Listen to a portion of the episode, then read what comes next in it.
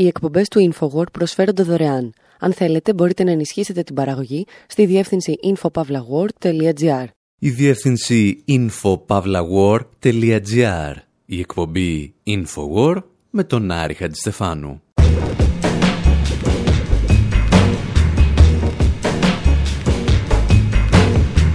Όπου σήμερα ολοκληρώνουμε την ανασκόπηση των σημαντικότερων γεγονότων του 2020, τουλάχιστον όπως τα αντιληφθήκαμε εμείς. Δεν θυμόμαστε τις ειδήσει, αλλά τις τάσεις των εξελίξεων. Συζητάμε για την Ευρωπαϊκή Ένωση που πρόλαβε να διαλύσει το Ευρωπαϊκό Σύστημα Υγείας λίγο πριν χτυπήσει ο κορονοϊός. Ρίχνουμε άλλη μια ματιά στο σύστημα των δικαιωμάτων ευρεσιτεχνίας και διαπιστώνουμε ότι τελικά είμαστε εμείς οι φορολογούμενοι που πληρώνουν το ιδιωτικό επιχειρήν των εμβολίων. Βλέπουμε πώς η πανδημία μετατράπηκε σε μια ευκαιρία για την επιβολή αυταρχικών μέτρων όχι μόνο από τα κράτη, αλλά πολύ περισσότερο από τον ιδιωτικό τομέα. Και υποδεχόμαστε με την ευκαιρία στην Ελλάδα την εταιρεία Palantir. Θυμόμαστε όμως και την περίοδο όπου ακροδεξιοί σχημάτιζαν ομάδες πολιτοφυλακής στα ελληνικά σύνορα με την επίνευση της κυβέρνησης και των μέσων ενημέρωσης. Και ξεκινάμε με ιστορίες από τη δημιουργία και τη διάλυση του κράτους πρόνοια στην Ευρώπη.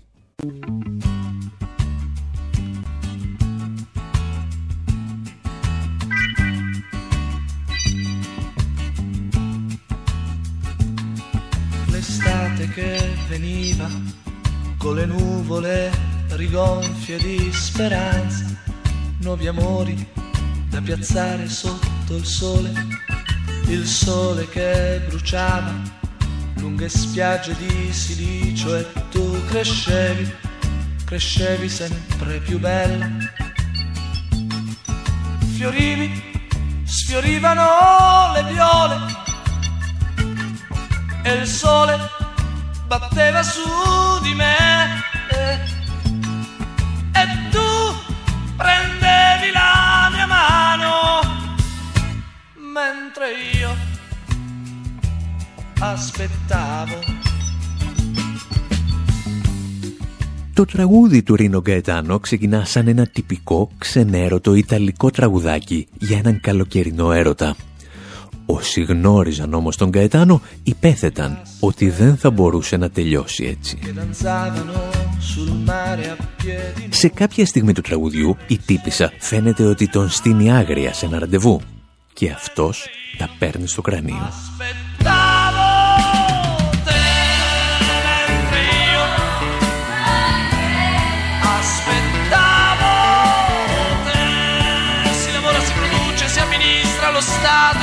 Si promette e si mantiene a volte. Mentre io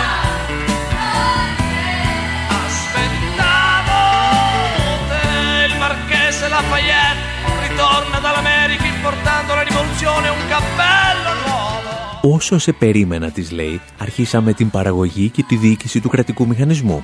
Ο Λαφαγέτ επέστρεψε από την Αμερικανική Επανάσταση και ο Ότο Βον Μπίσμαρκ ενοποίησε τα γερμανικά φύλλα, αναλαμβάνοντας την ηγεσία ενός σημαντικού τμήματος της Ευρώπης.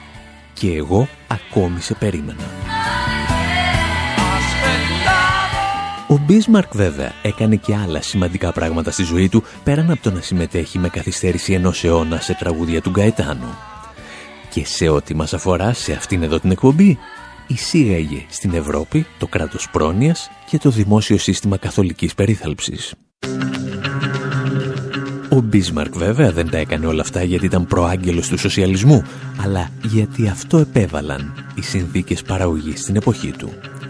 Όπως μου εξηγούσε σε μια παλιότερη συνέντευξή του ο καθηγητής Κώστας Βεργόπουλος, η δημιουργία του κράτους πρόνοιας ήταν απλώς η λογική επιλογή. Αυτό το θέμα έχει επιληθεί από το 19ο αιώνα κιόλα. Δεν χρειάστηκε να ο 20ο. Ο πρώτος που το επέλυσε ήταν ο, ο Μπίσμαρκ στη Γερμανία με τον αυταρχικό τρόπο. Ε, αποφάσισε ότι χρειάζεται κοινωνική συνοχή, κοινωνικό κράτος και κοινωνικά μέσα μεταφοράς. Αυτό δεν το αποφάσισε για λόγους ανθρωπιστικούς. διότι ήταν απολυταρχικός ε, δυνάστης ο Μπισμάρκ. Αλλά το αποφάσισε για λόγους ε, οικονομικού συμφέροντος της Γερμανίας. Και μετά πέρασε στην Αγγλία και στην υπόλοιπη Ευρώπη με τα πολεμικά. Λοιπόν, ε, δεν έγινε, επαναλαμβάνω, όταν λέμε κοινωνική συνοχή δεν είναι για ανθρωπιστικούς λόγους, αλλά είναι για οικονομικούς λόγους. Για να μπορεί να λειτουργήσει το οικονομικό σύστημα. Ο Μπίσμαρκ λοιπόν δημιουργεί το Ευρωπαϊκό Κράτος Πρόνοιας και το Σύστημα Δημόσιας Υγείας στην Ευρώπη. Και έναν αιώνα αργότερα θα έρθει η Ευρωπαϊκή Ένωση να το ξυλώσει. Και η γυραιά Ήπειρος θα αρχίσει έτσι να γνωρίζει συνθήκες των αρχών του 19ου αιώνα. Πριν από όλα αυτά όμως θα ακούσουμε ένα τραγουδάκι για τις νοσοκόμες και τους νοσοκόμους όλου του κόσμου που αυτές τις ημέρες δίνουν μία από τις σημαντικότερες μάχες της ζωής τους για τις ζωές όλων μας.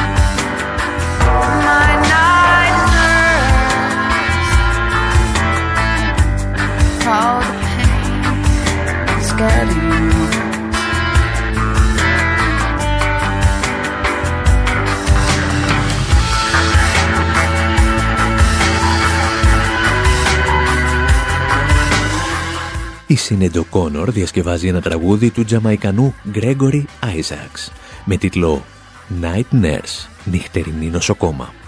Αυτό το είδος που στην Ευρώπη τίνει προς εξαφάνιση ή τουλάχιστον σημαντική μείωση.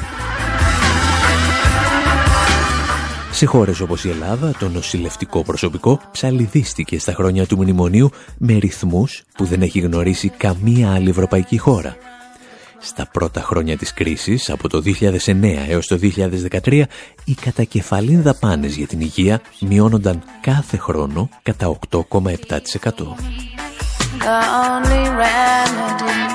Και στη Βρετανία όμως, η οποία δεν έζησε μνημόνια, το νοσηλευτικό προσωπικό άρχισε να εξαφανίζεται. Για την ακρίβεια, νοσηλευτές εγκαταλείπουν μαζικά το επάγγελμα λόγω των απάνθρωπων συνθήκων εργασίας και των ορών που επιβάλλει η εντατικοποίηση στο δημόσιο σύστημα υγείας. Προφανώς κάθε χώρα και κάθε κυβέρνηση είχε τους δικούς της λόγους για να διαλύει το δημόσιο σύστημα υγείας. Είναι ένας τρόπος να ενισχύσεις ιδιώτες επιχειρηματίες που θα στηρίξουν την επανεκλογή σου. Για να διαλύσεις όμως κάτι τόσο μεγάλο χρειάζεται συντονισμός Και αυτό ακριβώς ανέλαβε να προσφέρει εδώ και δεκαετίες η Ευρωπαϊκή Ένωση. Μόλις 300 μέτρα από το στρατηγείο της Ευρωπαϊκής Επιτροπής της Βρυξέλλες έχει τα γραφεία του ένα πανίσχυρο λόμπι που ακούει στο όνομα Ευρωπαϊκή Ένωση Ιδιωτικών Νοσοκομείων. Κάθε χρόνο το λόμπι δαπανά 250.000 ευρώ για την άσκηση πίεσης προς τους θεσμούς. Και έτσι τα στελέχη τους συμμετέχουν πλέον στις σημαντικότερες συμβουλευτικές επιτροπές που καθορίζουν την πολιτική της Ευρωπαϊκής Ένωσης για την υγεία. Παρά το γεγονός ότι θεωρείται σχετικά μικρό λόμπι, αν το συγκρίνεις λόγου χάρη με τα λόμπι των φαρμακευτικών εταιριών, είναι σχεδόν αδύνατο να σκεφτεί κανείς έστω και μία απόφαση της Ευρωπαϊκής Ένωσης για τον κλάδο της υγείας που να μην ευνόησε αυτό το λόμπι. Και όλα αυτά μπορούν να γίνουν με πάρα πολλούς τρόπους. Πριν από μερικά χρόνια, ο Ευρωβουλευτής του και Μάρτιν Σίρντεβαν κάθισε και ξεσκόνησε τις εντολές που έστελνε η Κομισιόν στις χώρες μέλη της Ευρωπαϊκής Ένωσης. Διαπίστωσε έτσι ότι από το 2011 έως το 2018 η Ευρωπαϊκή Επιτροπή ζήτησε 63 φορές από κράτη-μέλη της να μειώσουν τις δαπάνες για την υγεία ή να προχωρήσουν σε ιδιωτικοποίηση στον κλάδο. Την ίδια περίοδο απίφθινε 50 αιτήματα για περικοπές μισθών και 45 για μείωση επιδομάτων σε ανέργους και σε άτομα με ειδικές ανάγκες. Ουσιαστικά δηλαδή η Κομισιόν χτυπούσε με τρεις τρόπους το δημόσιο σύστημα υγείας προς όφελος των ιδιωτών. Οι μειώσεις μισθών και επιδομάτων σε συνδυασμό με την εργασιακή ανασφάλεια έχει αποδειχθεί ότι επιβαρύνουν συνολικά την υγεία του πληθυσμού. Οι περικοπές στον κλάδο υγείας διαλύουν τα δημόσια νοσοκομεία, ενώ τα προγράμματα αποκρατικοποιήσεων στέλνουν τα χρήματα των φορολογούμενων απευθείας στα ιδιωτικά νοσοκομεία. Περισσότεροι ασθενείς, λιγότερα δημόσια νοσοκομεία, μεγαλύτερα κέρδη για τους ιδιώτες.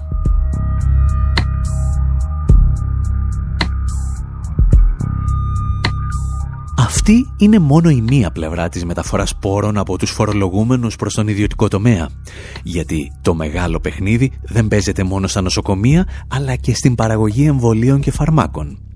Και το 2020 συζητήσαμε πολλές φορές για τις φαρμακοβιομηχανίες, ακούγοντας τραγούδια σαν κι αυτό.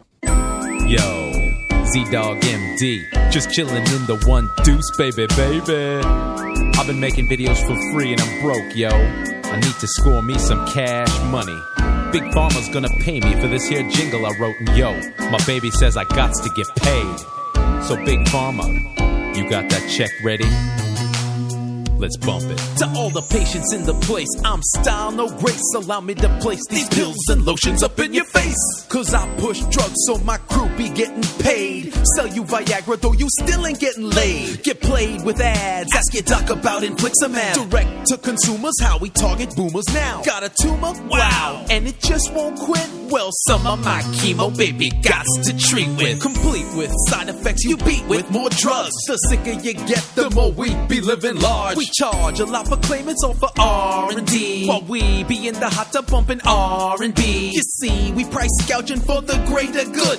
Stamping out gout and giving your grandpa wood. Understood, it's conspiracy, say anti-vax wackos. But haters gonna hate, yo, save it for big tobacco. I love it when you call me Big Pharma. Throw your pills in the air if you got Medicare. I love it when you call me Big Pharma. To all the drug reps getting money, playing doctors like dummies. Uh. I love it when you call got a patent up in place, generics out of my face, yo. So check out my pipeline tonight, cause it's straight gonna pay me. Ως Dogma διασκευάζει το περίφημο Big Popa του Notorious Big και περιγράφει ορισμένα από τα καθημερινά εγκλήματα των μεγαλύτερων φαρμακοβιομηχανιών. Yo, this must be my first check. Πριν το κάνει όμως, επιτίθεται και αυτός στους ψεκασμένους που βρίσκουν ευκαιρία από αυτές τις πρακτικές για να επιτεθούν όχι στις φαρμακοβιομηχανίες, αλλά στα ίδια τα εμβόλια. Το πιο ενδιαφέρον στιχάκι όμως είναι αυτό που λέει «Σας χρεώνουμε τα άντερά μας και σας λέμε ότι είναι για R&D, αλλά εμείς είμαστε στο Γιακούτζι και ακούμε R&B». όπου R&D είναι η έρευνα και ανάπτυξη, ενώ R&B είναι τα Rhythm and Blues. Ο Dogman λοιπόν αναφέρεται στο βασικό επιχείρημα των φαρμακοβιομηχανιών ότι χρειάζονται τις πατέντες για να χρηματοδοτούν την έρευνα. Όπως εξηγούσε όμως πρόσφατα και ο ερευνητής Alex Lawson, η ιστορία αυτή έχει δράκο. It's uh, one of the best crafted pieces of propaganda out there that the high drug prices that we pay είναι ένα από τα πιο καλωστημένα παραδείγματα προπαγάνδας που κυκλοφορεί. Μας λένε ότι οι υψηλές τιμές φαρμάκων που πληρώνουμε είναι το τίμημα της καινοτομίας. Το μόνο πράγμα στο οποίο καινοτομούν αυτές οι φαρμακευτικές εταιρείες είναι η αύξηση των κερδών τους. Ξοδεύουν περισσότερα σε επαναγορές μετοχών από ό,τι σε έρευνα και ανάπτυξη. Ξοδεύουν επίσης στο μάρκετινγκ για να πουλήσουν φάρμακα σε ανθρώπους που δεν τα χρειάζονται. Οποιοδήποτε βλέπει τα μεγάλα κανάλια στην τηλεόραση που γεμίζουν διαφημίσεις φαρμάκων το γνωρίζει. Ξοδεύουν λοιπόν περισσότερα στο μάρκετινγκ από ό,τι στην έρευνα και την ανάπτυξη. Το σύστημα με την σημερινή του μορφή καταστρέφει την καινοτομία. Δεν υπάρχει κίνητρο για αυτές τις εταιρείες να καινοτομήσουν με ένα νέο μόριο, νέες αγωγές και νέες θεραπείες. Υπάρχει πάντα το κίνητρο για αυτές τις εταιρείες να καινοτομούν σε νέους τρόπους για να επεκτείνουν τις πατέντες τους σε φάρμακα που τους προσφέρουν χρήματα.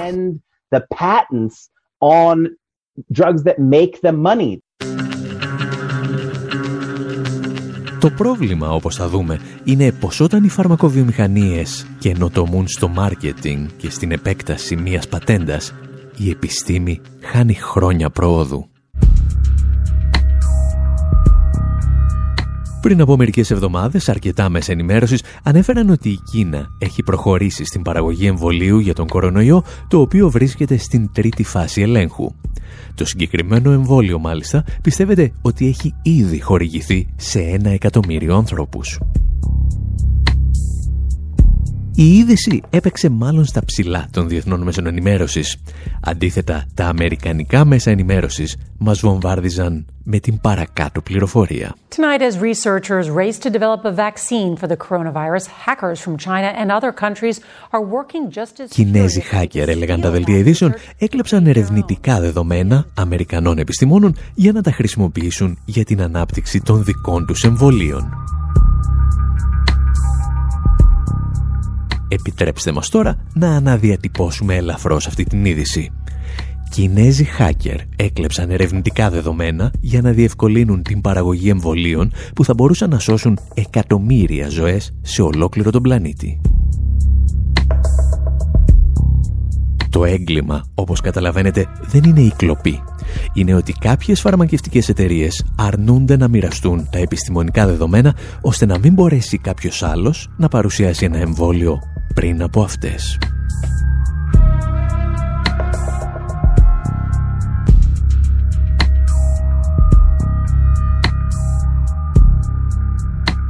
Ακούγοντας όλες αυτές τις ειδήσεις, ο οικονομολόγος Dean Baker έκανε ορισμένες ενδιαφέρουσες παρατηρήσεις.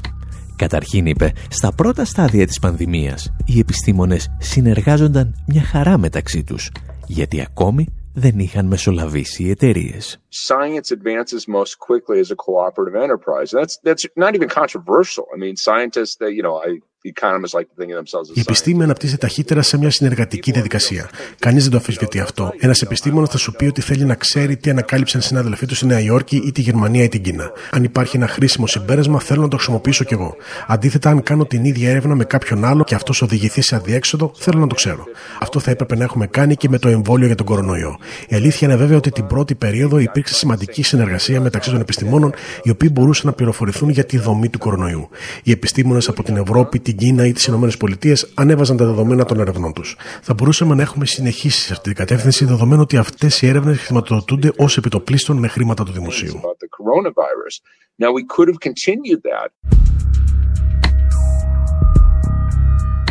Το πρόβλημα λοιπόν είναι ότι οι φαρμακευτικές εταιρείες κερδίζουν δισεκατομμύρια χρησιμοποιώντας την βασική έρευνα που παράγεται σε δημόσια πανεπιστήμια και ιδρύματα, αλλά όταν φτάνουν στο τελικό στάδιο της παραγωγής φαρμάκων και εμβολίων δεν θέλουν να κυκλοφορεί καμία πληροφορία. Now, ordinarily, most drug companies, Pfizer, Merck, pick your company, they're going, oh, we can't have open research because we want a patent. Συνήθως οι μεγάλες φαρμακοβιομηχανίες όπως η Pfizer λένε δεν μπορούμε να μοιραστούμε τα στοιχεία των ενεργνών μας γιατί το μοντέλο μας στηρίζεται στις πατέντες. Και ύστερα επιβάλλουμε υψηλές τιμές φαρμάκων γιατί έχουμε μονοπόλιο στις πατέντες. Είναι το μονοπόλιο που μας έδωσε η κυβέρνηση για να μπορούμε να χρηματοδοτούμε την έρευνα. Δεν τους αδικό. Πράγματι αυτή είναι η δομή που έχουμε απέναντί μας. Πάντα ένα μεγάλο κομμάτι της έρευνας χρηματοδοτείται από το δημόσιο. Δεν λέω βέβαια ότι δεν κάνουν απολύτως τίποτα. Παίρνουν αυτή την έρευνα και αναπτύσσουν φάρμακα τα οποία στη συνέχεια δοκιμάζουν. Drug and then they'll test it, you know. Ο Ντιν Μπέικερ έχει παρουσιάσει εξαιρετικές αναλύσεις για τα δικαιώματα ευρεσιτεχνίας και τα προβλήματα που δημιουργούν. Παρ' όλα αυτά, θεωρεί ότι δεν είμαστε ακόμη έτοιμοι να τις αντικαταστήσουμε οριστικά.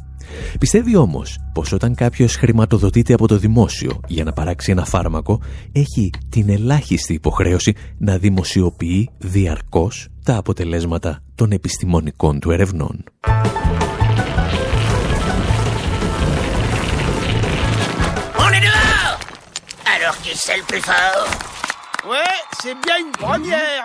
Εσείς μπορεί να μην το βλέπετε, αλλά εμείς παρακολουθούμε αυτή τη στιγμή κινούμενα σχέδια με τους Ντάλτον του Λούκι Λουκ.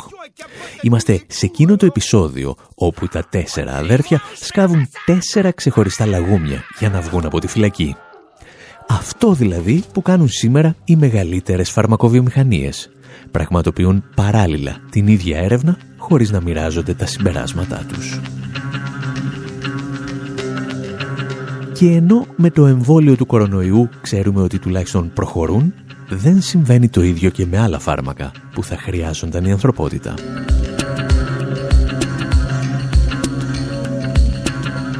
Ιστορίες σαν και αυτές λοιπόν διηγούμαστε όλο το 2020 για το ρόλο των φαρμακοβιομηχανιών στα χρόνια της πανδημίας.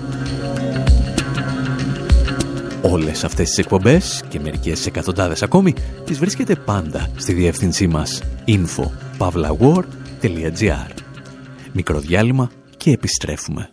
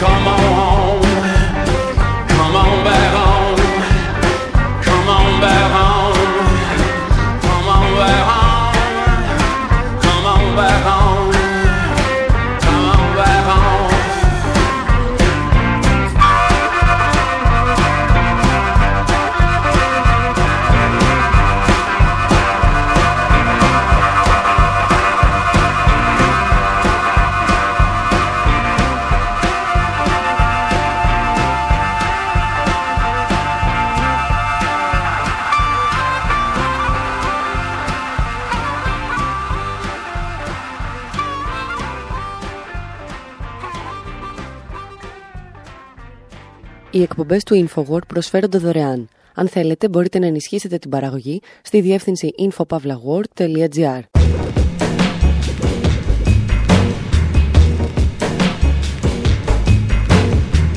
Εκπομπή InfoWord, μέρος δεύτερο. Όπου σήμερα ολοκληρώνουμε την ανασκόπηση του 2020. Είδαμε τη δημιουργία και τη διάλυση των δημοσίων συστημάτων υγείας αλλά και τη μεταφορά πόρων από τους φορολογούμενους προς τις μεγάλες φαρμακοβιομηχανίες. Η πανδημία όμως έφερε και αλλαγές στα συστήματα ελέγχου του πληθυσμού. Και εμείς αφιερώσαμε μια ολόκληρη εκπομπή στην εταιρεία Palantir. Μια από τις πιο σκοτεινές επιχειρήσεις διαχείρισης δεδομένων του πλανήτη, η οποία μάθαμε ότι συνεργάζεται και με την ελληνική κυβέρνηση χωρίς όμως ποτέ να μάθουμε πώς και γιατί. Και αυτή εδώ είναι η ιστορία της. ¿Has observado a alguien que no sabe que le observas? Una anciana sentada en un autobús o niños que van al colegio. Y ves ese resplandor que les invade. A ver si queda bien, no lo sé, pero es que esa letra me gusta mucho, ¿vale? Sí, sí. Lo que hagas observar.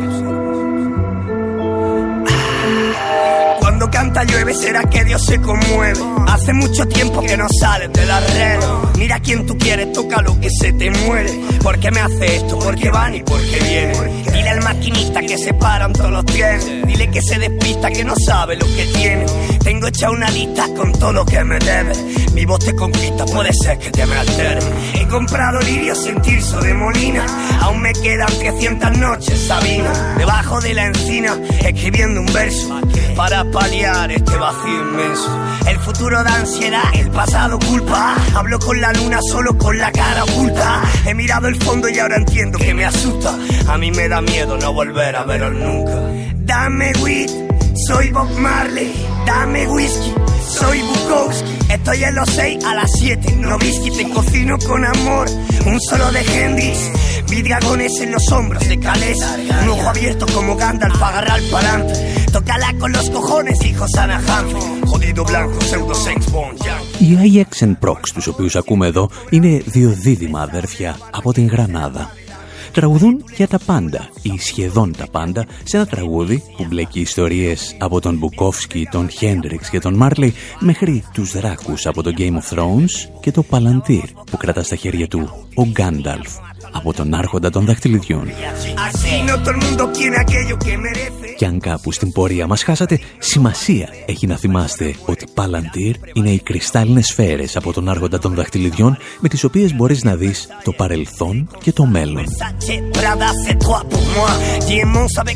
Και για να μην νομίζετε ότι είμαστε τίποτα αμόρφωτοι, να επισημάνουμε ότι στα κουένια, δηλαδή μία από τις γλώσσες που δημιούργησε ο Τόλκιν στον άρχοντα των δαχτυλιδιών, Παλαντήρ είναι ο ενικός. Ο πληθυντικός είναι τα παλαντήρι. Σε ό,τι μας αφορά πάντως, Παλαντήρ είναι το όνομα που εμπνεύστηκαν από τον άρχοντα των δαχτυλιδιών οι ιδρυτές μιας εταιρείας επεξεργασίας μεγάλου όγκου δεδομένων. Περισσότερα από πρόσφατο ρεπορτάζ του αμερικανικού δικτύου CNBC. The name Palantir comes from the Lord of the Rings, In the fantasy series, Palantiri are spherical stones that help Το όνομα Palantir προέρχεται από τον άρχοντα των δαχτυλιδιών. Στη σειρά βιβλίων φαντασίας, τα Παλαντήρι είναι σφαιρικοί κρίσταλοι που βοηθούν τους ισχυρούς χρήστες τους να δουν τι συμβαίνει σε άλλα σημεία της μέσης γης και να επικοινωνούν μεταξύ τους. Ιδρύθηκε το 2003 από το δισεκατομμυριούχο Peter Thiel μαζί με τον σημερινό CEO Alex Karb. Η τεχνολογία της Palantir βοηθά να εντοπιστούν ασυνήθιστα ή ύποπτα μοτίβα σε μεγάλους όγκους δεδομένων, χρησιμοποιώντας τεχνικές που οι ιδρυτές της έμαθαν ενώ δούλευαν στην PayPal.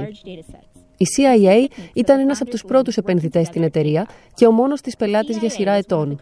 Αργότερα, άλλες υπηρεσίες όπως το FBI και η NSA συμμετείχαν επίσης.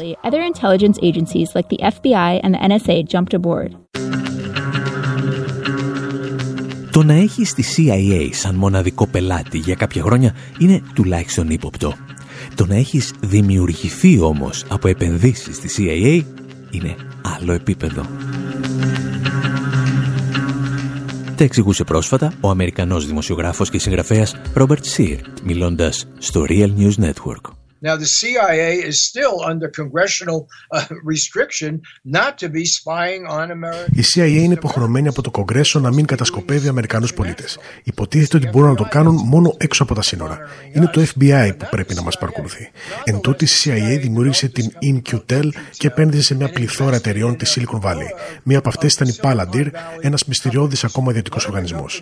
Η Palantir, όπως η Amazon, λειτουργούσε σαν σύμβουλος και συνεργάτης της Αμερικανικής κυβέρνησης στα πρώτα τρία χρόνια της ύπαρξής της.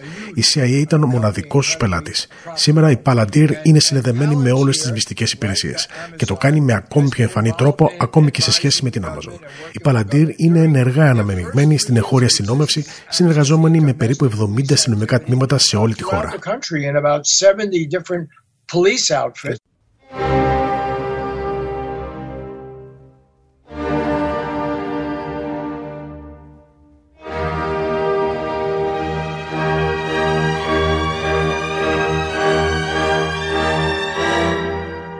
Η μουσική που ακούμε προέρχεται από την 8η Συμφωνία του Σούμπερτ, γνωστή και ως ημιτελή Συμφωνία.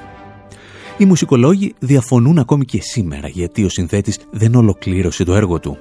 Κάποιοι υποστηρίζουν ότι το αμέλησε όταν άρπαξε μία σύφυλλη και κάποιοι άλλοι ότι απλώς βαρέθηκε. Το σίγουρο είναι ότι άφησε σύγχρονους και μελλοντικούς συνθέτες να μαντεύουν πως θα ήταν το έργο αν είχε ολοκληρωθεί. Αρκετά αποσπάσματα της ημιτελού συμφωνίας χρησιμοποιήθηκαν στην ταινία Minority Report με τον Tom Cruise. Εκεί όπου οι διοκτικές αρχές έπρεπε ουσιαστικά να μαντεύουν ποιοι άνθρωποι θα διέπραταν ένα έγκλημα και να τους συλλάβουν πριν αυτό πραγματοποιηθεί.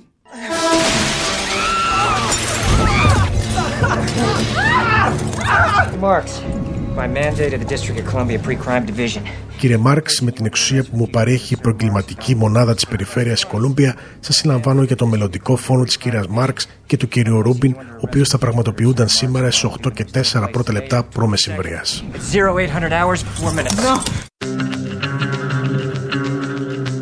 Παρεπιπτόντως, το ότι ο Τόμ Κρούζ λαμβάνει κάποιον που ονομάζεται Μάρξ είναι εντελώς άσχετο με την ιστορία μας. Σημασία έχει ότι ένα σενάριο επιστημονικής φρίκης, στο οποίο η αστυνομία μπορεί να συλλαμβάνει ανθρώπους πριν διαπράξουν κάποιο έγκλημα, ίσως να γίνεται σήμερα πραγματικότητα.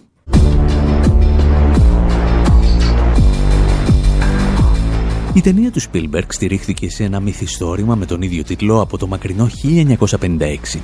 Συγγραφέας του ο Philip Dick, ο οποίος επινόησε και τον όρο pre-crime, δηλαδή προέγκλημα. Η ιδέα παραπέμπει και στην αστυνομία σκέψης του Orwell. Δυστυχώς όμως δεν αφορά μόνο την μυθοπλασία, αλλά και την ψευδοεπιστήμη. Από τα μέσα του 19ου αιώνα, ο Ιταλός εγκληματολόγος Τσεζάρε Λομπρόσο υποστήριζε ότι η τάση προς το έγκλημα είναι γραμμένη στο DNA μας. Πίστευε μάλιστα ότι μπορεί να εντοπίσει έναν εγκληματία από τα χαρακτηριστικά του προσώπου του. Αργότερα στη ζωή του, ο Λομπρόσο άρχισε να πιστεύει και σε πνεύματα. Καθόταν σε στρογγυλά τραπεζάκια κάνοντας τηλεδιασκέψεις με τον άλλο κόσμο. Ήταν το WebEx της εποχής, στο οποίο διάφοροι δύσμυροι κάθονταν σε ένα τραπέζι και φώναζαν «Γιώργο, μας ακούς; Εμείς δεν σε βλέπουμε. Αν ακούς, στείλε μας κάποιο σήμα».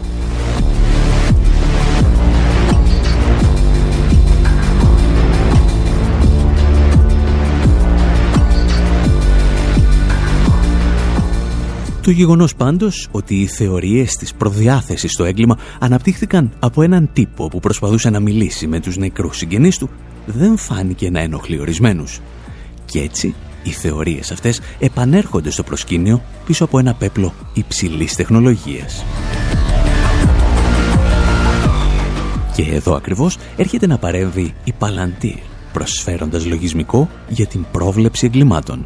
Τα εξηγούσε μιλώντας στο Real News Network or Robert Uh, and here in Los Angeles, for example, we have a very active coalition, community coalition, Stop Police Στο Λος Άντζελες μια πολύ ενεργή ένωση πολιτών ανακάλυψε πως υπάρχει ένα μυστήριο πρόγραμμα προβλεπτικής αστυνόμευσης εθνικής εμβέλειας το οποίο ξεκίνησε μετά την 11η Σεπτεμβρίου.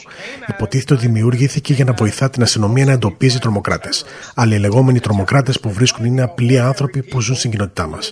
Τους βρίσκουν προβλέποντας ότι θα εγκληματίσουν ακόμα και αν δεν έχουν εγκληματίσει. Η Παλαντήρη συνεργάζεται με αυτά τα αστυνομικά τμήματα.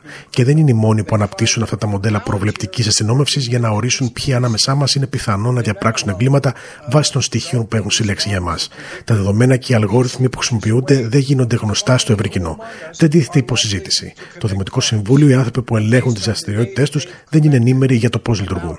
Και όμως η αστυνομία στοχοποιεί συγκεκριμένες γειτονιές, συγκεκριμένα άτομα, βασισμένοι σε αυτούς τους αλγόριθμους. Βασισμένοι στα δεδομένα που τους παρέχει η Palantir.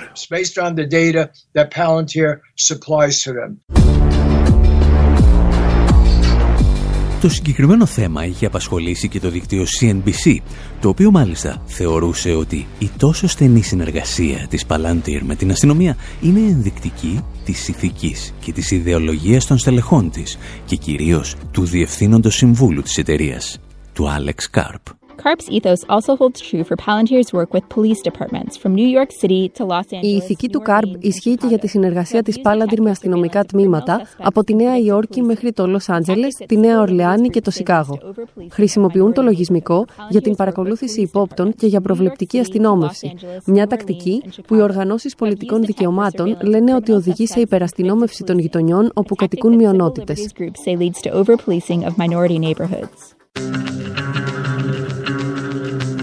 Μια εταιρεία λοιπόν η οποία ιδρύθηκε με κεφάλαια της CIA προσφέρει λογισμικό το οποίο μπορεί να χρησιμοποιηθεί για την σύλληψη ανθρώπων οι οποίοι ακόμη δεν έχουν διαπράξει κανένα έγκλημα.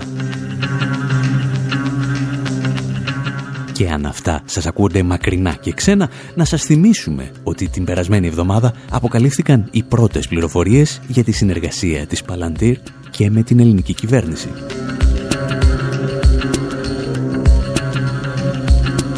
Η πανδημία δεν ήταν η μοναδική ευκαιρία που είχαμε ως ανθρωπότητα αλλά και ως χώρα για να δείξουμε τον χειρότερο εαυτό μας. Στην Ελλάδα μας δόθηκε μία ακόμη λαμπρή ευκαιρία όταν χιλιάδες πρόσφυγες άρχισαν να συγκεντρώνονται στα σύνορά μας. Και η επίσημη στάση της χώρας θύμιζε τα πιο σκοτεινά καθεστώτα που γνώρισε ο πλανήτης τους τελευταίους αιώνες το κράτος και τα μέσα μαζικής ενημέρωσης άρχισαν να προωθούν υπογείως τη δημιουργία πολιτοφυλακών.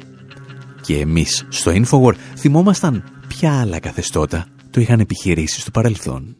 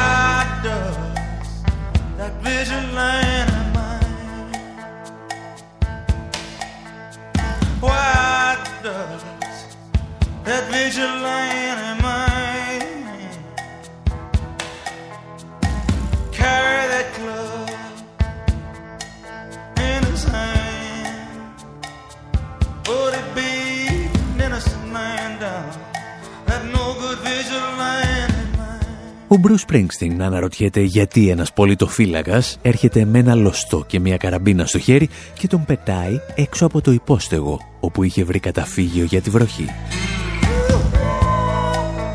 Φεύγω λέει από πόλη σε πόλη για να γλιτώσω και ο Βιτζιλάντε με καταδιώκει σαν ένα κοπάδι από ζώα. Όπου Βιτζιλάντε σε ελεύθερη απόδοση είναι τα μέλη των πολιτοφυλακών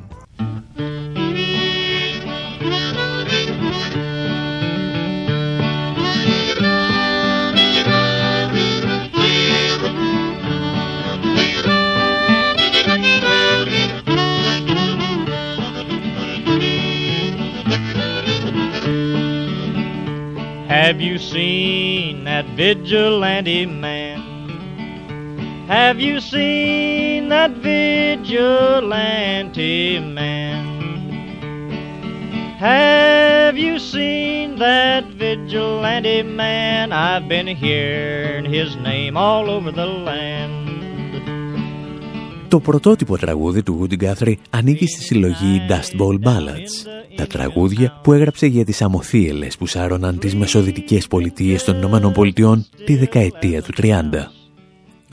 Αμοθίελες, τις οποίες παρεπιπτόντως προκάλεσε η υπερεκμετάλλευση του εδάφους και οι μονοκαλλιέργειες, τις οποίες είχε επιβάλει το κυρίαρχο οικονομικό σύστημα από το τέλος του Πρώτου Παγκοσμίου Πολέμου.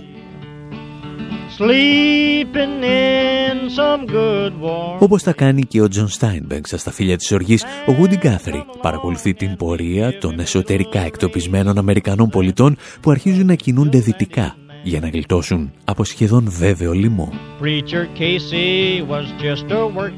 Και εκεί τους περιμένουν τα αδέρφια τους με καραμπίνες στα χέρια για να τους εξηγήσουν ότι είναι ανεπιθύμητοι.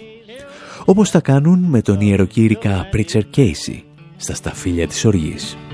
Preacher Casey was just a working man And he said unite all you working men Killed him in the river Some strange man was that A vigilante man η περίπτωση των πολιτοφυλακών που δρόσαν στη δεκαετία του 30 ίσως φαντάζει περίεργη με μια πρώτη ματιά λευκοί Αμερικανοί πολίτες παίρνουν τα όπλα εναντίον άλλων λευκών Αμερικανών πολιτών οι οποίοι μεταναστεύουν μέσα στην ίδια τους τη χώρα.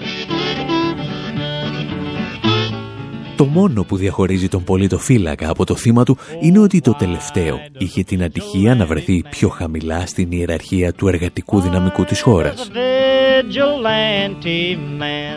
Αυτή όμως ήταν πάντοτε η ουσία του ζητήματος. Σε κάποιες περιπτώσεις απλώς τα πογκρόμ γίνονταν με πρόσχημα φιλετικές διαφορές. Όπως παραδείγματος χάρη οι επιθέσεις που πραγματοποιούσαν οι πολιτοφύλακες της Κούκλουξ Κλάν. Για να ανακεφαλαιώσουμε λοιπόν, οι πολιτοφύλακες των Ηνωμένων Πολιτειών χτυπούσαν άλλοτε μαύρους, άλλοτε μετανάστες και άλλοτε λευκούς Αμερικανούς πολίτες. Αυτό που ένωνε τα θύματα τους ήταν ότι βρίσκονταν πάντα στο κατώτερο σκαλοπάτι της εργασιακής ιεραρχίας. Το χρώμα, η φύλη και η θρησκεία έπαιζαν συνήθως δευτερεύοντα ρόλο. Σε όλη αυτή τη διαδικασία τα τάγματα εφόδου απολάμβαναν είτε την ανοχή είτε την έμπρακτη στήριξη του κρατικού μηχανισμού αλλά και των μέσων ενημέρωσης, τα οποία εξυμνούσαν τη δράση τους. Κάτι σαν ακούς δελτίο ειδήσεων του Star Channel, καθώς ομάδες ενόπλων αναπτύσσονταν στα ελληνοτουρκικά σύνορα. Από το Δέλτα του Εύρω και τις Φέρες κανείς δεν κοιμήθηκε. Όλοι ήταν σε συναγερμό. Στόχος να κρατηθούν ασφαλή τα σύνορά μας. Σε κάθε πέρασμα του Εύρου και μία ομάδα Ελλήνων. Εθνοφύλακες, στρατός, αστυνομία και απλοί πολίτες. Σημείο κίνηση για τις νυχτερινές περιπολίες στο Δημαρχείο στις Φέρες. Στη λίστα των εθελοντών για την περιφρούρηση συμμετέχουν περισσότερα από 500 άτομα. Έχουν μοιραστεί σε ομάδες των 10 για να μπορούν να συντονίζονται εύκολα. Και κάθε ομάδα ξέρει ποια περιοχή θα χτενίσει. Για να επιστρέψουμε όμως στην άλλη πλευρά του Ατλαντικού, οι πολιτοφύλακες, όπως εξηγήσαμε, αποτελούσαν εν τέλει ένα εργαλείο για τη ρύθμιση της αγοράς εργασίας σε βάρος πάντα των πιο αδύναμων κρίκων της αλυσίδας. Αντίστοιχες πολιτοφυλακές θα γεννήσει ο Ιταλικός φασισμός και ο Γερμανικός ναζισμός. Ο Μουσολίνη μάλιστα θα στηρίξει την άνοδό του στην εξουσία σε αυτές ακριβώς τις ομάδες ενόπλων οι οποίες σκότωναν εργάτες για λογαριασμό βιομηχάνων, όπως ο Ανιέλη. Στις Ηνωμένες Πολιτείες αντίστοιχες πολιτοφυλακές θα αναπτυχθούν τη δεκαετία του 30 για να σπάσουν τις απεργίες στις μεγάλες βιομηχανίες της χώρας.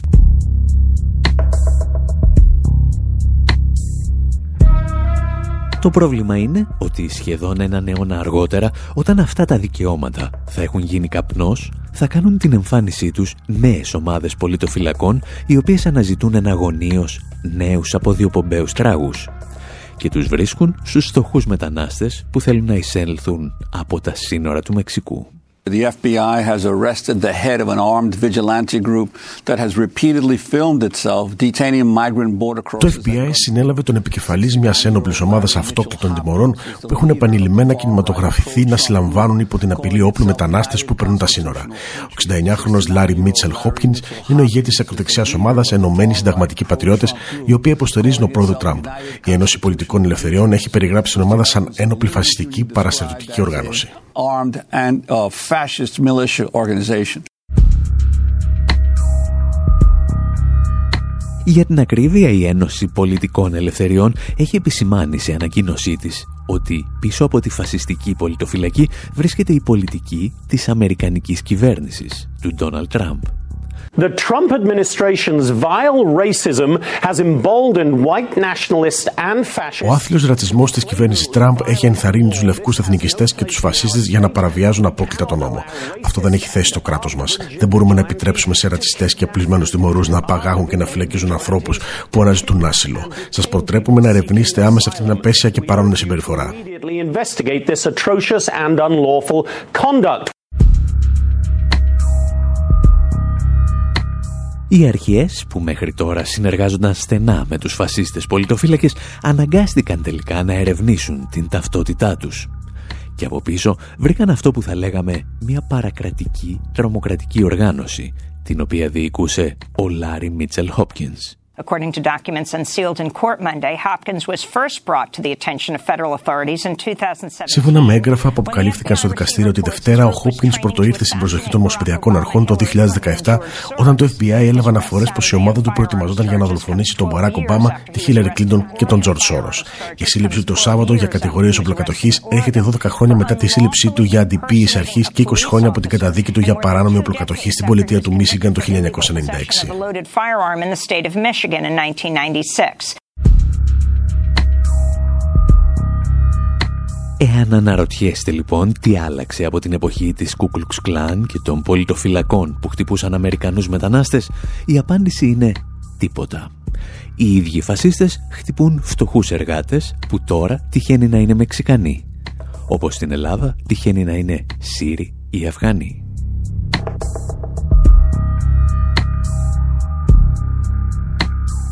Ιστορίες σαν και αυτές λοιπόν διηγούμασταν όλο το 2020. Ιστορίες τις οποίες μπορείτε να ακούσετε και στη διεύθυνση info.pavlawar.gr ή αν μας ακολουθήσετε στο Spotify ή από όπου κατεβάζετε τα podcast σας. Και με αυτή την ευκαιρία θέλουμε να πούμε για άλλη μια φορά ένα τεράστιο ευχαριστώ σε όσους συνεισέφεραν και φέτος για όλες τις δραστηριότητες του Infowar. Με αυτά και με εκείνα όμως σας αφήνουμε και για αυτή την εβδομάδα. Από τον Άρχα Στεφάνου στο μικρόφωνο και τον Δημήτρη Σταδόπουλο στην τεχνική επιμέλεια, γεια σας και χαρά σας.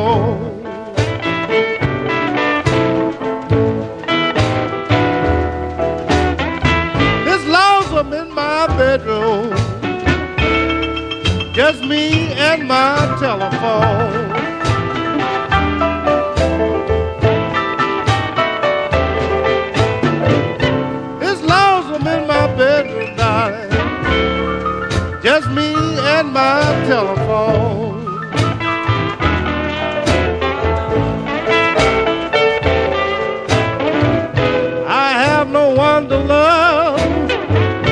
I wish my baby would come home.